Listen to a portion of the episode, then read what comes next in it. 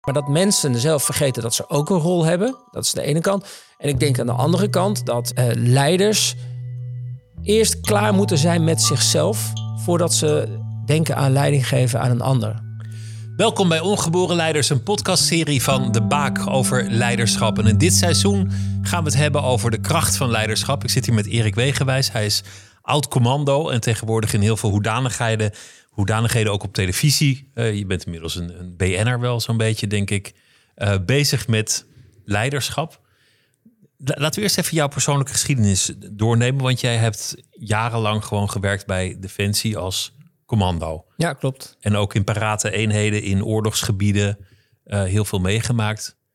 Waar, waarom ben je eigenlijk ooit bij de commando's gegaan? Dat is een goede vraag, ja. Ja, dat komt eigenlijk... Uh, ik weet nog, het moment dat ik het besloot was nog in de tijd van dienstplicht. Hè? Dus, dus ik had een, uh, een tekenles en ik moest een portret maken. En toen dacht ik, toen zag ik dat portret staan op de panorama. Dat was iemand die in de commandoopleiding zat. En ik was, ik was een soort van, als door de bliksem getroffen, dacht ik, dat, dat ga ik doen. En het was VWO 5 volgens mij. Uh, ik had toch geen flauw idee wat ik ging studeren, maar dat sprak heel, het sprak van alles. Het was uh, uiterste. Dus lichamelijk en, en geestelijk zag ik uiterste in die foto. En ik ben nieuwsgierig van aard, was ik toen ook al. En ik had ook wel de behoefte om iets anders te doen dan anderen. Dus ik dacht, weet je wat ik ga doen? Ik ga dat doen. Voor mijn dienstplicht, hè? want dat was toen nog. Dus ik heb toen niet gekozen voor het beroep van Special Forces Operator, zoals dat nu heet. Dat is, uh, dat is eigenlijk uh, daaruit voortgekomen. Want ik deed een jaartje dienstplicht na mijn examen. En dat was in de tijd dat uh, het leger transformeerde van een dienstplichtig leger naar een beroepsleger. En er kwam een mogelijkheid om bij te tekenen bij het korps commandotroepen, omdat ze een nieuwe soort eenheid gingen oprichten. We gingen van passief naar actief werk. En ik heb toen gezegd, nou weet je, ik ga dat gewoon doen. Ik voel me niet thuis. Uit het een het ander voort. En ja. want je, jij groeide op in, in een Zwifterband, ja, geloof ik. Zwifterband. In, in een dorp. Had dat ermee te maken dat het, dat het avontuurlijker leek dan waar je, waar je leefde? Um, nee, nee. Ik zeg wel, het feit dat ik ben opgegroeid in Zwifterband... heeft heel veel voordelen gehad tijdens, uh, tijdens de opleiding. Omdat we best wel gewend waren aan, uh, nou ja, alles gebeurt buiten. Uh, koud, vervelend weer, moet toch altijd werken. Er is al veel landen, veel werken op het land. Uh, ben ook heel blij, nou ja, blij dat ik, uh, ik ben opgegroeid in een, in een huis met enkel glas en uh, de bloemen aan de binnenkant van de ramen. Dus uh, niet, niet verwend qua omstandigheden, laat ik het dan zo maar noemen. En dat komt heel goed van pas hoor, dat is een opleiding. Want je hebt ontberingen. Leiderschap gaat natuurlijk ook over leiding geven aan jezelf. Ja. In eerste plaats. Discipline. En zeg maar, als, als het alles tegen zit, dus je moet, je moet, moet heel lang lopen en het is koud en je hebt zere voeten en het regent. Uh, en je hebt niks te eten. En iemand zegt erna, oh wacht, het duurt nog drie dagen langer dan, dan we hadden gedacht. Ik probeer maar een mhm, soort ja, ja. fictieve situatie te schetsen. Dan, dan is het belangrijk dat je, dat je tegen jezelf zegt, volhouden nu. Dat is de, dan is het belangrijk dat waar je mee bezig bent, dat het een door jou gekozen doel is. En een door jou gevoelde passie. Want als dat zo is, dan weet je dat onderweg naar dat doel dan zul je hobbels moeten nemen. En in zo'n opleiding zijn het grote hobbels. Dus je tolerantie wordt echt getest. Um, en op het moment dat je motivatiesysteem er volledig mee stopt, gevoelsmatig, dan uh, gaat het erom of jij dan die joker kan spelen. En die heet dan discipline. Dat is eigenlijk de discipline om jezelf aan je eigen afspraak te houden. Ik wilde toch daar zijn. Niemand zei dat ik moest. Mijn vader niet, mijn omgeving niet. Blijkbaar wilde ik dat. Nou, dan zijn dit de spelregels. En als je dan voelt dat er een moment komt dat je weerstand moet bieden, hè, dat je veerkracht moet tonen, ja, dan, dan, dan is het aan jou om dat te doen. Dus het gaat erom dat je gepassioneerd bent, dat je het voor jezelf doet, ja. in essentie, dat je weet waarom je dit zo graag wil. Dat zou je ook kunnen vertalen naar een niet-commando-omgeving. Zeker weten. Dat, daar, daar ben ik helemaal van overtuigd. Dat, dus um, natuurlijk is het leuk als je iets doet en dat andere mensen dan zeggen: Oh ja, goed gedaan. Ik bedoel, het zou gek zijn als ik, als ik dat zou uh, vertellen als helemaal zwart-wit. Je doet het alleen maar voor jezelf. Ieder mens vindt het fijn om bevestigd te worden door de ander dat wat hij doet, dat ze dat waarderen of dat ze dat mooi vinden. Maar dat is iets anders uh, dan, dan dat dat de enige reden is. Dus sommige mensen zeggen, ja, ik ga hier om mijn vader iets te bewijzen. nou ja, dan, dan, dan doe je iets niet van jezelf, niet echt van jezelf. Dan is dat een soort randvoorwaarde voor, voor het goede gevoel. Daar geloof ik niet in. En dat klopt, het kan over. Ik, ik gun iedereen het, het onderzoeken van zijn eigen passie, zijn eigen why. Waarom doe ik dit nou? Uh, is het me echt te doen omdat, omdat dit mijn grotere drive is? Of uh, doe ik het voor iets anders, voor aanzien of, of omdat mijn omgeving dat verwacht. Heeft niks met commando zijn te maken. Dit heeft te maken met wat een mens. Dat heeft te maken met zelfleiderschap. Dat heeft iedereen. Dus je moet permanent op zoek naar je passie, naar hetgeen jou drijft. Dat, dat is in praktijk nog niet altijd makkelijk om dat te vinden, om dat elke dag helder te hebben. Nee, dat klopt ook. Dat, dat, is, dat is helemaal waar. En uh, zeker in een tijd waarin er wordt gevochten om jouw uh, aandacht en waar er wordt gevochten om jouw mening en waar iedereen een poging doet om jou te beïnvloeden, is dat lastig. En er is er maar één die dat antwoord weet en dat ben jij zelf. Dus daarom uh, geloof ik erin dat als jij het vermogen weet te gebruiken, dat we als mensen allemaal hebben, om uh, aandacht te richten, meta-aandacht. Dus hij, Tita Tovenaar die zegt, dan doe ik dit en alles staat stil. Nou, sta dan maar even stil. Ga maar eens boven jezelf uitstijgen en denk maar eens na. Wat is die persoon nou eigenlijk aan het doen? En kijk nou eens naar jezelf. Is dit wel wie die persoon is? Is dat wat hij wezenlijk voelt? Wat is die nou? Dus eigenlijk op een aantal momenten, ik noem het maar even gevoelsmatig, herijken. Hoef je niet uh, de hele dag mee bezig te zijn. Dan zit je de hele dag in je eigen hoofd. Maar op het moment dat jij iets voelt waardoor je denkt, dat voelt niet helemaal lekker wat ik aan het doen ben. Dan kun je je afvragen, hoe komt dat nou? Zit het dan gewoon even tegen? Of ben je nog wel in de juiste richting aan het gaan? dat wat ik vijf jaar geleden vond, misschien vind ik dat nu wel helemaal niet meer. En misschien moet ik daar eens een keer naar luisteren. En moet ik daarna handelen. Want we kunnen het, mensen kunnen dingen heel mooi verzinnen voor zichzelf. Maar het zit hem altijd in het omzetten naar echt gedrag. Of er wat mee gebeurt. Je hebt zelf ook een grote verandering in je leven doorgemaakt. Namelijk weg van defensie. En alles wat je daar geleerd hebt, inzetten in, in een ja, hoe het noemen, burgeromgeving. Ja. Uh, je coacht BN'ers op televisie, maar je doet heel veel andere dingen. Maar het gaat steeds om wat jij hebt geleerd vanuit jouw verleden, gebruiken om anderen iets bij te brengen. Klopt, ja. ja. Hoe, hoe, is die verandering tot stand gekomen? Wanneer dacht je van, goh, ik, ik, ik moet naar een andere plek? Um, die is denk ik tot stand gekomen ergens in 2018 ergens is het begonnen ik voelde iets. Ik weet niet wat. Ik, ik, dus ik, ik weet nog heel goed dat ik het thuis zei. Ik zeg, ik weet niet wat ik voel, maar er gaat wel iets gebeuren binnen nu en een paar jaar. En eerst dacht ik, ik heb de smaak te pakken. Ik was toen bezig met zo'n carrièreopleiding, het dan, eh, om, om major te worden. En toen dacht ik van, misschien blijf ik hier wel. En wil ik dan maar voor het hoogst mogelijke gaan. Dus dat, dat je dan nog daarna je hogere defensievorming gaat doen. Weet je. Maar dan word je best wel uh, convergerend te werk. Terwijl ik ook een mens van nieuwsgierigheid ben, van verbreding. En ik hou van uh, mensen. Ik kan, ja, goed, ik, ik vind het veel leuk. Maar uh, ik was toen ook bezig als mijn functie als commandant van de commandoopleiding. Dat was tussen 2013 en 2016 gebeurd. En toen voelde ik al dat me dat enorm aansprak. Mensen inspireren, ze boven zichzelf uit laten stijgen, iets vormen, iets teweeg brengen, iets, iets, nou, iets laten inbranden bij een club, bij een lichting zoals ze dat noemen, dat ze nooit zouden vergeten, opdat ze daar betere professionals van zouden kunnen worden. Eh, dat één. En twee, ik was in mijn laatste functie dat ik compagniescommandant was, dacht ik, ja, mooier dan dit wordt het niet. Uh, je mocht zeven teams aansturen en het ging mij om hoe kan ik er nou voor zorgen en hoezo lukt het om A, deze werkplek de aller beste plek te maken uh, die er is. Dat mensen met plezier iedere ochtend om zeven uur hun wekker uitrammen en denken: Oh, ik mag weer daar naartoe. Met z'n allen. Dus dat één. En ten tweede, om tegelijkertijd heel erg goed te worden, professioneel heel goed te worden. Dus om iedereen zo optimaal mogelijk op te leiden. Dus de, de, de perfecte balans voor mens en professional. Dat vond ik uh, altijd al leuk. En heel toevallig uh, had ik een coachopleiding. Die, daar kon je dan parttime, of nee, dat zeg ik verkeerd, als nevenfunctie kon je coach worden binnen Defensie. En uh, daar leer je ook dat je, dat je elkaar een aantal fundamentele vragen stelt. En ik, degene met wie ik die gesprek had, op een gegeven moment dacht ik bij mezelf. Ja, maar Erik, dat, je bent toch van het verbreden. Je bent toch van het mensen inspireren. Je bent toch daar en daarvan. Weet je wat ik doe? Ik ga gewoon een eenmanszaak oprichten. Dus ik zat nog bij bij Defensie werd ik ZZP'er. En ik geloof er namelijk ook in, en zo werkt het vaak ook, dat op het moment dat je iets opschrijft of iets benoemt, dan besta je.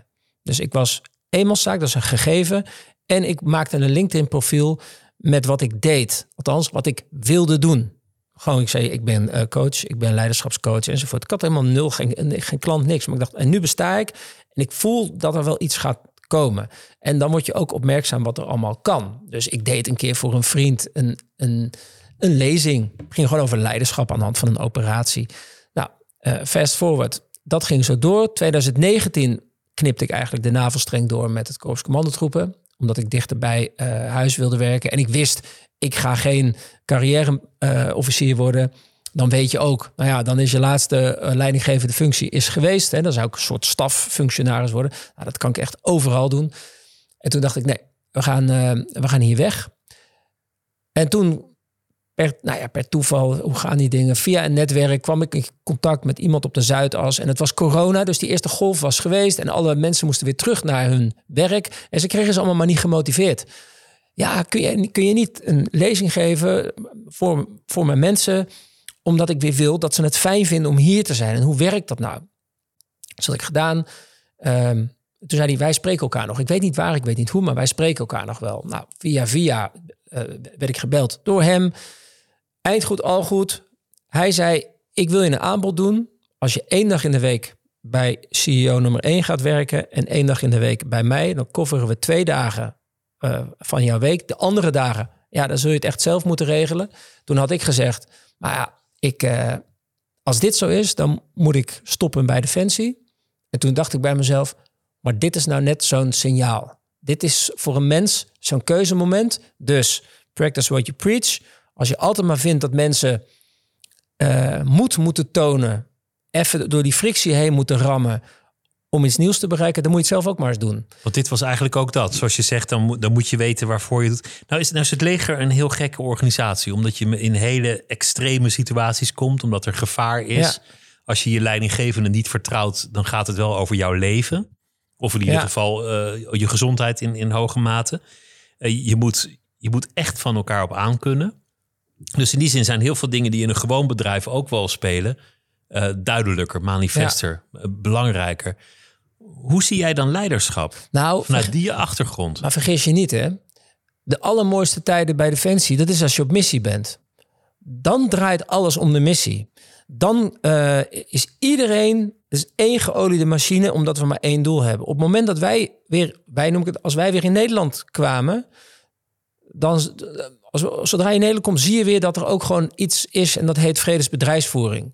En dan is Defensie gewoon een organisatie. Dus waar bijvoorbeeld uh, een, een, lagere rang op missie mega veel verantwoording heeft over van alles en nog wat budgetair, kan alles beslissen. Want immers, we doen alles met een hoge teamoriëntatie, een hoge missieoriëntatie. Dan kom je erachter dat onze bedrijfsvoering binnen Defensie toch verdomd hiërarchisch kan zijn. En dan merk je dat die ook gewoon plafonds en linker en rechter grenzen heeft, waardoor het niet altijd op de snelste uh, manier gaat. En, en dat is wat ik ook merkte in mijn laatste jaren. Dacht ik van, dit staat... Uh, ik, ik merkte dat ik heel veel ideeën had, heel veel wilde creëren. Ik hou echt van dingen verzinnen, van het, het, het, het, het, aanvallen van het huidige personeelshuis met de, met de juiste oplossing, tot het, uh, het oprichten van een nieuw soort uh, eenheidje binnen het Korps Commandotroepen tot eigenlijk de mening van jongens, waarom denken we allemaal dat we willen uitbreiden binnen Defensie? Terwijl ik erin geloof dat als je soms inkrimpt, dan, uh, dan heb je lang niet meer die druk om altijd alles maar te moeten vullen. Dat is namelijk een groot probleem. Je kunt niet nou ja, het is misschien een beetje technisch, maar wij hebben allemaal speciale eenheden. Hè? Bijvoorbeeld Korps Commandotroepen, Marshof, DSI arrestatieteam. Nou, die moeten allemaal uit diezelfde demografische vijver in Nederland... moeten ze hun beste mensen pikken. Dat is al lastig zat. Nou, als al die onderdelen willen groeien, om welke reden dan ook... en die demografische vijver blijft gelijk... dan dat is, op een gegeven moment zit er een soort onmogelijkheid aan dat hele verhaal... waardoor de frustratie is van ja, hoezo zijn we niet gevuld? Ja, gewoon simpel, omdat het niet kan. Dus daar, daar liep jij tegenaan. Ja. Maar, maar ja. hoe, hoe zie jij leiderschap? Wat, wat heb jij geleerd over leiderschap bij de commando's waarvan je, je denkt, dit zou eigenlijk in elke organisatie leerzaam zijn? Um, nou, dat is veel. Kijk, wij, wij, wij noemen dat binnen het Korps Commandotroepen uh, dat we streven naar een, naar een optimaal klimaat. Eh, en leiderschap is daar een onderdeel van. Leiders hebben dus, dus alles begint met zelfleiderschap. Laten we daar voorop, dat laten we dat Je geeft eerst leiding aan jezelf. Ja, iedereen. Dus als jij ochtends je bed uitkomt, geef je ook leiding aan jezelf om hier op tijd te zijn met het juiste verhaal. Dus ergens hebben we allemaal de behoefte en eh, de, de plicht om verantwoordelijk te zijn voor onszelf. Maar dan hebben we daar ook binnen, het, eh, eh, binnen de eenheid, binnen de Special Forces, binnen het Korps Commandotroepen, hebben wij zo'n stelling van, joh, we zijn zo hiërarchisch als noodzakelijk, maar zo plat als mogelijk. Dus dat betekent dat je daar ook een beetje een soort bijna familiecultuur hebt, maar die spreken elkaar wel aan. En dat is vaak het lastige wat mensen vinden van ja, familiecultuur, we willen, durven elkaar niet aan te spreken. Dat doen wij nou net wel. Omdat we elkaar altijd kunnen houden aan bepaalde eh, kernwaarden. Nou, leiderschap, wat voor mij goed leiderschap is, en het heeft niet zozeer te maken met het korps commandotroepen, maar in het algemeen, dat je, plat gezegd, doet wat nodig is. Dat heeft te maken met, kun jij in alle eh, rust en alle, maar ook met alle snelheid, de situatie lezen, kijken wat nodig is, welke taal is er nodig, welke daadkracht is er nodig, welk geduld is er nodig en dat je dat dan ook kan toepassen en dat je daar heel snel in kan wisselen. Dus eigenlijk doen wat nodig is, dat is om te beginnen voor mij eh, krachtig eh, eh, leiderschap. En de ene keer Dat is je dat- gewoon de goede beslissingen neemt op dat moment. ja, dat, dat, als je het zo zegt, dan klinkt het een beetje simpel. Maar het zit hem vooral in ehm, daadkrachtig zijn, maar toch rust bewaren. Het zit hem in empathisch zijn, maar op een gegeven moment ook gewoon tough calls maken. Omdat het gewoon, eh, ondanks de gevolgen die dat eh, kan hebben. Dus er zitten een heleboel eh, karaktereigenschappen waarvan ik denk, ja, dat, dat is heel fijn als je die allemaal hebt. En als je ze dan niet hebt, dan kun je leiderschap ook zien als nou, de optelsom van iedereen die vierkante meters te beïnvloeden heeft. En als ik het dan niet kan, maar ik weet dat, misschien moet jij dat dan maar even doen. Dus je doet, er zit ook een soort joint effort in. En ja, wat, ik de- wat wij eh, heel goed eh, doen bij de eenheid is dat wij eh, kernwaarden als leidraad hebben. Ehm, die niet alleen maar waarden zijn, maar daar zit ook een norm aan gekoppeld. En aan een norm, daar, daar moet je gedrag aan koppelen. Want wat, is- wat zou een kernwaarde kunnen zijn? nou, he- heel simpel. Ehm, wij hebben een kernwaarde, dat laat zich het makkelijkste uitleggen. En het is moed. Nou, dat is een waarde, dat is makkelijk. De norm is datgene doen wat nodig is, ondanks de gevolgen voor jezelf. Dat is de norm. Ja, en dan zeg ik, ja, doe dan. Laat maar zien hoe dat eruit ziet. En dat is niet alleen maar dat we denken van ja, want als er kogels komen, dan ga ik naar voren. En nee, dat is, moed is veel meer. Ook in het dagelijks leven. Dat is ook morele moed. Morele moed, het gaat voor mij over opstaan als iedereen blijft zitten. Je ergens voor uitspreken als iedereen zwijgt. Links gaan als iedereen rechts gaat. Dat is ook moed.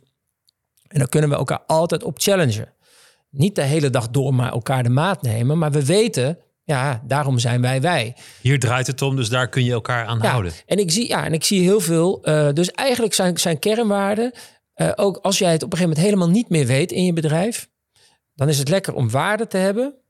En dat je indachtig, alsof je je, je, je, je leidinggevende of je CEO achter in je achterzak hebt. En dat die alles meekijkt wat je doet. En dat je je op een gegeven moment voor een probleem gesteld ziet. En dat je denkt, wat zou hij nou of zij nou willen dat ik nu zou doen? En ik heb twee dingen. Ik heb die overkoepelende, noem het maar, intent van zo'n leidinggevende. En ik heb de kernwaarden die me altijd binnen de kaders houden. En zo handel ik. Dus dat je weet eh, op basis waarvan je eigenlijk handelt. Dan kun je namelijk spreken, en daar streven we ook naar, naar eh, mensen die heel veel initiatief nemen. En mensen kun je hele brede kaders geven. Maar ja, dan krijg je, mensen nemen niet zomaar heel veel initiatief. Dat doen ze pas als ze weten dat ze vertrouwd worden.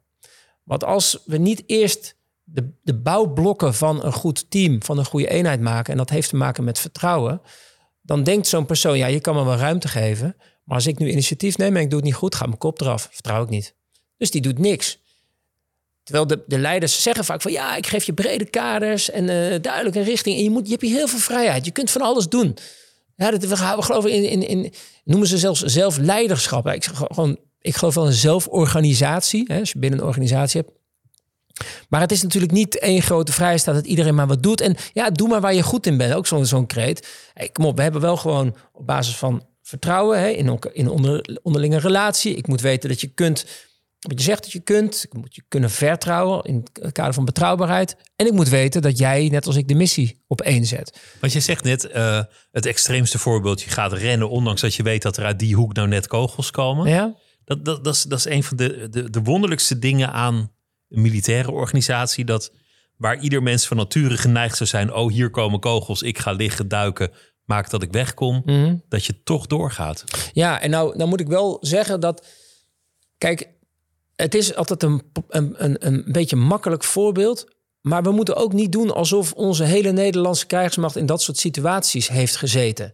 Dus Altijd, de hele tijd. Nee, dat is helemaal niet waar. Joh. We, we, gebruiken het vaak als voorbeeld. Um, maar uh, uh, er is toevallig een, een periode geweest uh, tussen 2006 en 2009 waarin heel veel eenheden van Defensie, dus echt niet alleen het Korps Commandotroepen, daar hebben ze hun hardste lessen geleerd, maar ook hun meest waardevolle lessen. En daar hebben ze kunnen laten zien wat dat betekent. Maar moed tonen gaat over veel meer dingen. Dat gaat gewoon over iets wat niet in jouw uh, comfortabele zone ligt, waarvan je eigenlijk druk maakt, waarvan het lichaam eigenlijk scheelt. Nee, nee, gaan we niet doen. En voor de een is dat uit een vliegtuig springen. Voor de ander is dat uh, uh, op een berg staan. Maar voor de ander is dat in een hele volle filmzaal. Als een generaal zegt, zijn er nog vragen? En jij denkt bij jezelf, ik heb toch echt een vraag? Of je dan je hand omhoog steekt. Dat iedereen denkt, ga je nou echt iets vragen? Dat is ook moed. Dus daarom, het, het, ik vind het, het is breder dan dat. Het is veel breder dan dat. En, en, het is, en, en het ene is, en het is ook niet zo dat als je het één keer doet, dat je het altijd doet. Maar je kunt er wel beter in worden. Mensen kunnen standaard moediger worden. Dus mensen kunnen ook assertiever worden. Mensen kunnen meer initiatief nemen. Dat heeft te maken met maak het een, een gewoontegedrag van jezelf. En dan word je dat ook. Maar het heeft te maken met veiligheid, vertrouwen, met weten waarom je het doet, met duidelijke kaders van waarom de organisatie. Heldere opdracht. Dient een heldere opdracht. Ja. Zie, zie jij jezelf nu als leider? Ik zie mezelf uh, als een individu met uh, de de potentie om leider te zijn, uh, om leiding te geven. Als je het hebt over het daadwerkelijk aansturen van mensen, het faciliteren van randvoorwaarden, het maken van opdrachten. Dus ik denk dat in potentie ja, uh, kan ik dat zijn, kan ik dat doen.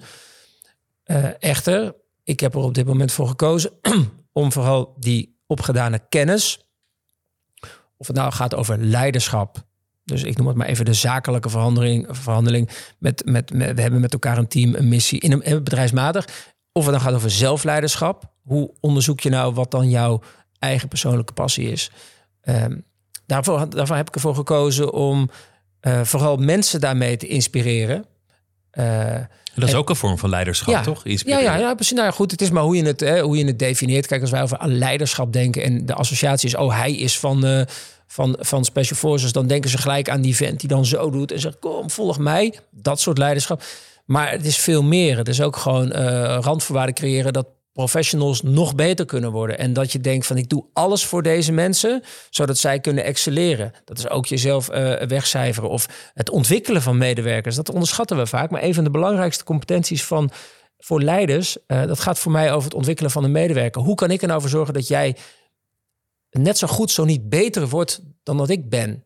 Dus hoe doe ik dat terwijl je aan het werk bent? Hoe zorg ik dat ik jou beter maak? En waarom? En hoe zorg ik ervoor dat het niet alleen maar gaat over, ja, zie je, heb ik gedaan, hè? goed voor mijn cv, goed voor mijn track record. Maar hoe maak je andere mensen beter? Omdat je die grotere missie centraal staat. Dus wat, wat ik mooi vind als je met die VIP's aan het werk gaat, is dat je iemand ziet binnenkomen van wie je denkt, dit wordt niks. Ik zie het nog niet gebeuren. En, en, en dat je eigenlijk op een heel subtiele manier die mensen eerst leest en daarna toch een beter resultaat uit ze weten halen. Ja. Je, je, geeft niet snel op in die zin. Nee, nee nou, ik, ik, uh, er zijn twee dingen. Kijk, als het gaat over het programma uh, Special Forces VIPS, dan vergeet ik één ding nooit. En dat is dat ik op dat moment gevoelsmatig de hoeder ben van de norm, gedragsmatige norm.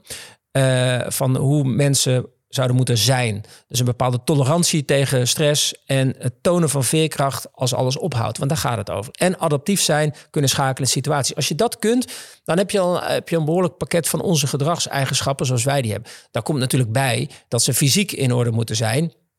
Maar goed, dat kan ik zo zwaar maken als ik wil. Dat mensen afknijpen is niet zo heel moeilijk. Maar het gaat erom dat je ook mensen wil vormen en meegeven. Nou, En, er En zit, motiveren en motiveren. Dus, maar er zit ook een, een, een ander deel in. Is dat ik denk, nou ja, als jullie hier toch zijn, dan maak ik ook even van de gelegenheid gebruik om even jou te spiegelen. Maar om ook iets eruit te pakken dat ik denk, boek maar vooruitgang dan. Laat maar zien, ik ga je laten voelen dat jij iets meer kan dan dat je denkt dat je kunt. En al, al is dat maar een klein beetje, dan kan ik in ieder geval zeggen, zie je, ik heb je niet aangeraakt. hè? Je hebt het zelf gedaan. En nu herhalen. En of je nou het einde haalt van dat programma, dat boeit me dan niet zo heel veel. Maar je, je weet dat het kan en je kunt het nu gaan herhalen. Want het is een, even om het even in perspectief te, te zetten, het is een vormingstraject met name op gedrag toetsend. Want ja, persoonlijk hebben we bewust voor gekozen. Wij lopen nooit met, eh, we gaan nooit militaire-achtige oefeningen doen met een wapen en, en dat soort dingen. Want dan denk ik, dan doe je die eenheid tekort. Wij doen er 36 weken over om iemand fatsoenlijk op te leiden met wapens en handelingen enzovoort. Ja, en als je dan mensen laat lopen met een wapen in zo'n programma en dan, dan doen ze dat verkeerd of dan gaat er, eh, dan, dan kun je die mensen er helemaal niet op afrekenen. Dus het is echt een vormingsprogramma en een toetsend programma op het gebied Maar van je kan in korte tijd iemand toch een soort grens laten, laten verleggen. Je, je, je zei een paar dingen over leiderschap in het algemeen. Had een paar opmerkingen zo van, ja, je kan niet zeggen, ik geef je alle ruimte. Nee. Maar, maar zonder duidelijk te zijn wat de kaders zijn en de verwachtingen. Eh, je zei, je moet iemand eerst het uit zichzelf laten eh, komen. Dus iemand moet zelf gemotiveerd zijn, het in zichzelf vinden. Ja, ja, ten eerste, ja. Sorry, dat. De, als we, stel je voor, wij zijn een bedrijfje. Om te beginnen wil je dat iedereen bewust heeft gekozen om te zijn op de plek waar hij of zij is. Dus dat, dat, dat bedrijfje, blijkbaar heeft dat bedrijfje waarden die overeenkomen met de waarden die ik heb. En dat, het, eh, dat ik talenten mag inzetten en vaardigheden die bij dit bedrijfje gevraagd worden. Dus ik ben hier uit vrije wil. En er is eigenlijk geen, betere, geen andere werkplek waar ik zou willen zijn.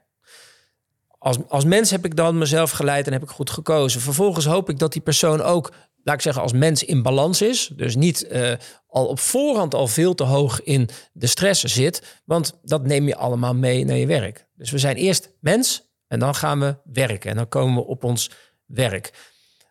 Dan heb je in, op, terwijl wij met elkaar bezig zijn met het klimaat, daar, daar hebben we een paar stappen.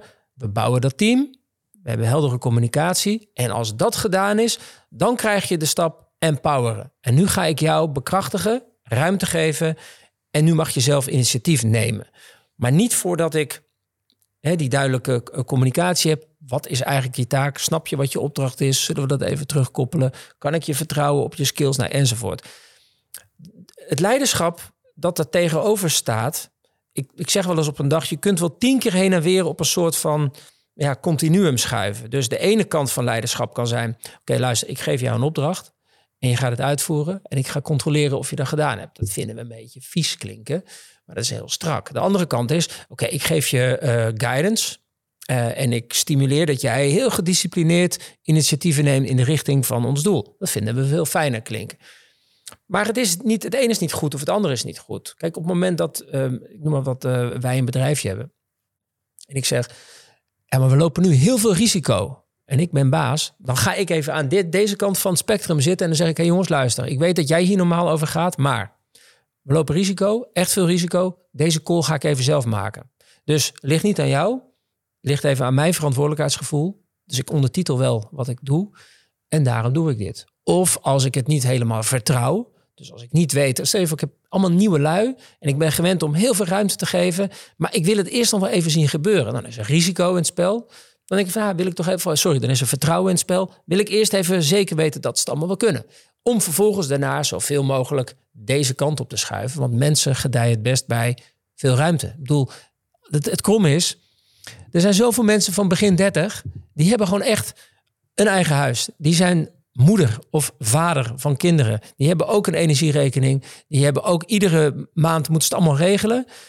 Dat doen ze allemaal al lang hè, als mens. En dan komen ze op hun werk en dan krijgen ze in één keer minimale verantwoordelijkheid, alsof ze niks kunnen. Dat slaat helemaal nergens op. Mensen gedijen heel goed bij het hebben van verantwoordelijkheid. Als Steve, wat zou jij meer willen zien van, van leiderschap in het algemeen in de toekomst? Als, je, als jij nou in al die plekken waar je komt kijkt, of ook in de samenleving wellicht, wat, mis je dan? Wat zou je dan anders willen zien? Ehm, nou, dat, wat, ik, wat ik mis is dat, eh, dat, dat de organisaties, dat alle mensen in de organisatie de verantwoordelijkheid voelen dat het creëren van een cultuur echt een two-way street is. Ik vind dat er heel veel gekeken wordt. Wat kan HR voor mij betekenen? En het leiderschap er komt ook niks vandaan. Maar dat mensen zelf vergeten dat ze ook een rol hebben. Dat is de ene kant. En ik denk aan de andere kant dat eh, eh, eh, leiders eerst klaar moeten zijn met zichzelf. voordat ze denken aan leiding geven aan een ander. Dus ik zal wees eerst klaar. Ben je in staat om jezelf leiding te geven? Dus met andere woorden, ben je emotioneel beschikbaar voor datgene wat je mag doen, waar je goed voor betaald krijgt om te doen. Dus dat je je eigen shit op orde hebt, om je dan te focussen en dat te zijn voor die mensen ook echt. Helemaal. Dus niet alleen als uh, functionaris, omdat ze voor je werken, maar gewoon ook als mens. Begrijp je het wel? Dus eh, interesseer je je daadwerkelijk voor die mensen die allemaal voor jou werken? Of zie je het allemaal maar van ja, die zijn er ook bij, maar ik ben alleen maar geld aan het verdienen. Het, het gaat me eigenlijk om mij, want ik ben bezig met de volgende stap. Dus het gaat eigenlijk over zelfonderzoek. Iedereen zou bijna elke dag moeten beginnen met, met een kwartier zelfonderzoek. Nou ja, goed, ik weet niet of, of dat dan de, de, de, de manier is. Maar ja, kijk, als het gaat over leiderschap, gewoon adaptiviteit, denk ik, is voor ieder mens en ook voor een leider een heel belangrijk uh, is een belangrijk kenmerk om te hebben de komende jaren. Zeker als wij denken, ja joh, het, eh, het gaat snel hè. Er is geen drie jaren strategie die het overleeft. We moeten constant maar adaptief zijn. Dus aanpassingsvermogen. Dan moet je dat als mens als mindset hebben. En dat je dus gewoon snel kunt schakelen in situaties, maar ook in je gedrag. Dus dat je de ene keer zegt: Oké, wacht even, dit laat je, ik moet nu even leider zijn. Ik moet voorbeeldig zijn. Ik doe voor hoe dit werkt. De andere keer denk je: Oh, wacht even, nu komt het aan op mijn mensenskills. Oké, dus, dus een persoon met wie je spreekt bepaalt ook een situatie. En je moet, en ik, waar ik een beetje, wat ik te makkelijk vind, is dat mensen zeggen: Ja, zo'n soort leider ben ik nu eenmaal. Hè? Ja, ik ben getest, ik ben heel rood. Of ik ben heel blauw. Ja, veranderingen moet je niet bij mij zijn. Dus die zelflegitimatie dat mensen zich verschuilen achter het zijn van een kleur. Dat vind ik zo simpel. Terwijl ik denk, nee, het gaat je meer moeite kosten om te veranderen op een manier die nodig is. Dus de situatie dicteert wat je moet doen. Niet jij, niet jouw eigenschappen. Je moet denken, oké, wat is nodig? En de ene keer is in een situatie is leider X de beste leider. Maar in een andere situatie loopt leider Y het schip het best in de goede richting. En dat geldt voor of dat nou politiek is of corporate, het maakt niet uit. Um, dus of wees zelf adaptief. Of erken ook gewoon dat je soms niet de juiste vent op de juiste plek bent. Dus het gaat erom, de, de, de strategie van leiderschap die varieert per situatie. Maar daarom juist moet je weten waarom je het doet. Wat je kaders zijn, wat je morele kaders zijn. Ja. Die, die oeruitgangspunten, die moet je heel helder hebben. Ja, ja want nu, als je me, jij vraagt van, ben je leider? Als ik dan stel ik me voor, zou ik nu op dit moment fulltime leiding willen geven aan iets, aan wat dan ook? En dan denk ik, het zou niet eerlijk zijn. Dus het gaat er niet om dat ik denk dat ik het wel of niet kan, maar ik voel gewoon met mijn huidige passie, wat ik nu aan het doen ben, past dat niet. Want ik heb te veel behoefte aan de diversiteit. En het is voor heel veel mensen toch aanlokkelijk om wel ja te zeggen tegen de functie, maar niet goed te begrijpen wat het nou inhoudt om echt dat ook helemaal met alles wat je in je hebt uit te voeren. Want ik om, vind, om die verantwoordelijkheid helemaal te dragen. Helemaal. Voor, ook, voor, voor al die mensen. En het, en, uh, want dat vergt nog wat. Alleen maar willen. Het is soms krijgen ze het gevoel dat je, te, dat je het er een beetje bij kan doen. Dat zeg, dat zeg ik niet, niet netjes, maar dat gaat niet om de hoeveelheid tijd die je eraan besteedt. Maar je zegt ook ja, of niet, je zegt, oh, je zegt vooral ja tegen mensen die op jou rekenen. Maar en, en, en met een andere pet op zeg ik tegen die mensen: hey, je hebt zelf ook een rol hier te vervullen hè, in het kader van zelfleiderschap. Maar we hebben het nu even over die leider. Die mensen, dat is toch je, je, je, je. Ja, dat is gewoon de factor die het verschil gaat maken. Dus als je kijkt bij, bij bedrijfjes met 80 of 90 man die honderden miljoenen winst of omzet hebben, moet je dan maar eens omrekenen per persoon. Hoe belangrijk die mensen is je meest kritieke succesfactor. En zijn we er dan wel zuinig genoeg op? Terwijl ik dit zeg, wordt het ook wel eens verkeerd uitgelegd. En dat die mensen dan denken, ja zie je, wij zijn belangrijk hè, je kan toch niet zonder mij. En dat ze zich ook andere dingen gaan permitteren. Dat maar, ze... maar bij jou gaat het echt om het team. De leider staat in dienst van het team. Ja. Zo goed als iedereen uiteindelijk samen een team. En creëer gewoon die plek waar, waar mensen iedere dag met zoveel plezier naartoe gaan... dat ze eigenlijk balen dat de werkweek voorbij is. Dat ze denken, shit, was maar weer maandag. Gaan we weer met die, al die gasten wat leuks doen. Dat klinkt raar, maar ik heb die tijd in Roosendaal echt gekend dat, we het op, dat, we, dat het zo goed was dat we echt zeiden: jongens, even volhouden, het wordt vanzelf weer maandag. omdat we dat helemaal niet als werk zagen. We zagen het niet als een soort van burden van, oh werk, nou, ik ben echt toe aan vakantie. Op het moment dat je daar naartoe werkt de hele tijd, dan denk ik, joh, je bent zoveel uur per week bezig met, uh, met, met werk. Je mag er echt eisen aan stellen dat het, dat het in ieder geval leuk is. En buiten het werk om, hou jezelf als mens ook uh, in balans. Want soms uh, branden mensen zichzelf helemaal op buiten werktijd. En dat kan door van alles komen. Dat kan door hun leefstijl komen. Of dat nou gaat over, over eten, drinken, slapen, mobiel telefoongebruik. Het gaat over heel veel. Maar mensen branden, branden zich in hun eigen tijd meer op, waardoor ze minder uitgerust op hun werk komen. En dat vervolgens de leiding met de handen in het haar zit van, ja, we moeten meer doen voor die mensen, we moeten meer, nog meer well-being budget. Maar dan denk ik, ja, er ligt ook een verantwoordelijkheid bij de medewerker zelf. Dus ik, aan de ene kant ben ik streng voor wat leiders zouden moeten bedenken. En aan de andere kant zeg ik ook, maar wacht even, klimaat maken we wel samen. Hè? Dus dat is niet te, te makkelijk naar boven kijken, gebeurt er niks. Dus we hebben er allemaal een rol in gaat uh, beide kanten op.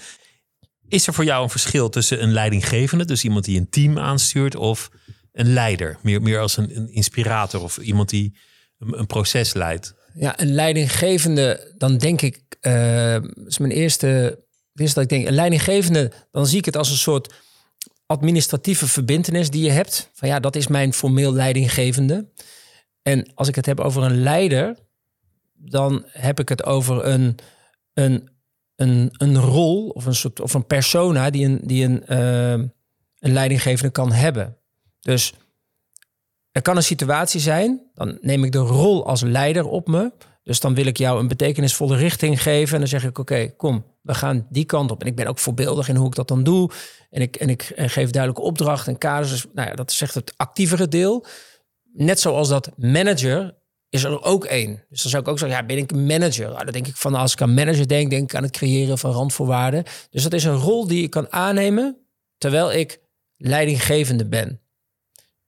Maar een leidinggevende, en dat zie je ook heel vaak, dan zie je in een organisatie, heb je op papier heb je een leidinggevende die in de werkelijkheid, in de echte werkcontext, die jou nooit ziet omdat werkverbanden eigenlijk heel anders zijn. Dus we, we, wat, wat het lastig is, we tekenen vaak een, een, een, kerstboom, zo'n hark. Dat is de papieren werkelijkheid. Maar de echte werkelijkheid is, ja, omdat we vaak in operatietjes werken.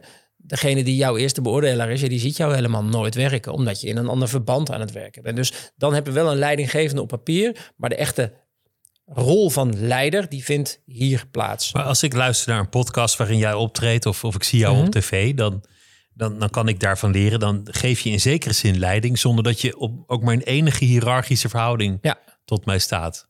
Maar dan, dan ben je meer een, inspirator. Dat is, dat is ook nou, een vorm van leiderschap. Ja, dan zou ik zeggen, uh, leiding geven gaat ook over beïnvloeden. Ehm, dus het is de kunst dat je soms een context beïnvloedt met taal of met gedrag, waardoor daarna ik wil niet zeggen uh, het vanzelf gaat, maar als daarna mensen gaan handelen op een bepaalde manier, zou je kunnen zeggen, ja, ik heb nu leiding gegeven. Maar ja, dan komen we op het verhaal. Taal is het enige dat wij als mens hebben. Dus wij, als wij het woord leider horen, dan verstaan wij allebei iets onder. Um, maar hetzelfde als beïnvloeden heeft vaak ook een soort negatieve eh, connotatie. Maar eigenlijk beïnvloed je met taal en gedrag het gedrag van anderen. Uh, zodat zij A, overtuigd en geïnspireerd doen wat nodig is. En de kunst is ook dat uh, leiders zichzelf vooral ook misbaar maken. Dus op het moment dat mensen iets aan het doen zijn en het gaat heel goed, dat ze zich afvragen: hey, waar is uh, hij eigenlijk? Ja, is het niet? En toch gaat het goed. hey, dat is goed, hè? Dus als de leider zichzelf misbaar kan maken, dat is ook mooi. Dan heeft hij de goede randvoorwaarden gecreëerd. En dan gaan mensen uit zichzelf aan de slag. En soms moet hij weer. Iets geïnternaliseerd bij anderen. Ja, en soms moet hij, moet hij precies weten. En nu moet ik zichtbaar zijn. Want nu gaat het erom. En nu ga ik weer richting geven, een koers geven. Dankjewel dat je langs wilde komen. Was een groot genoegen. Dankjewel. Graag gedaan.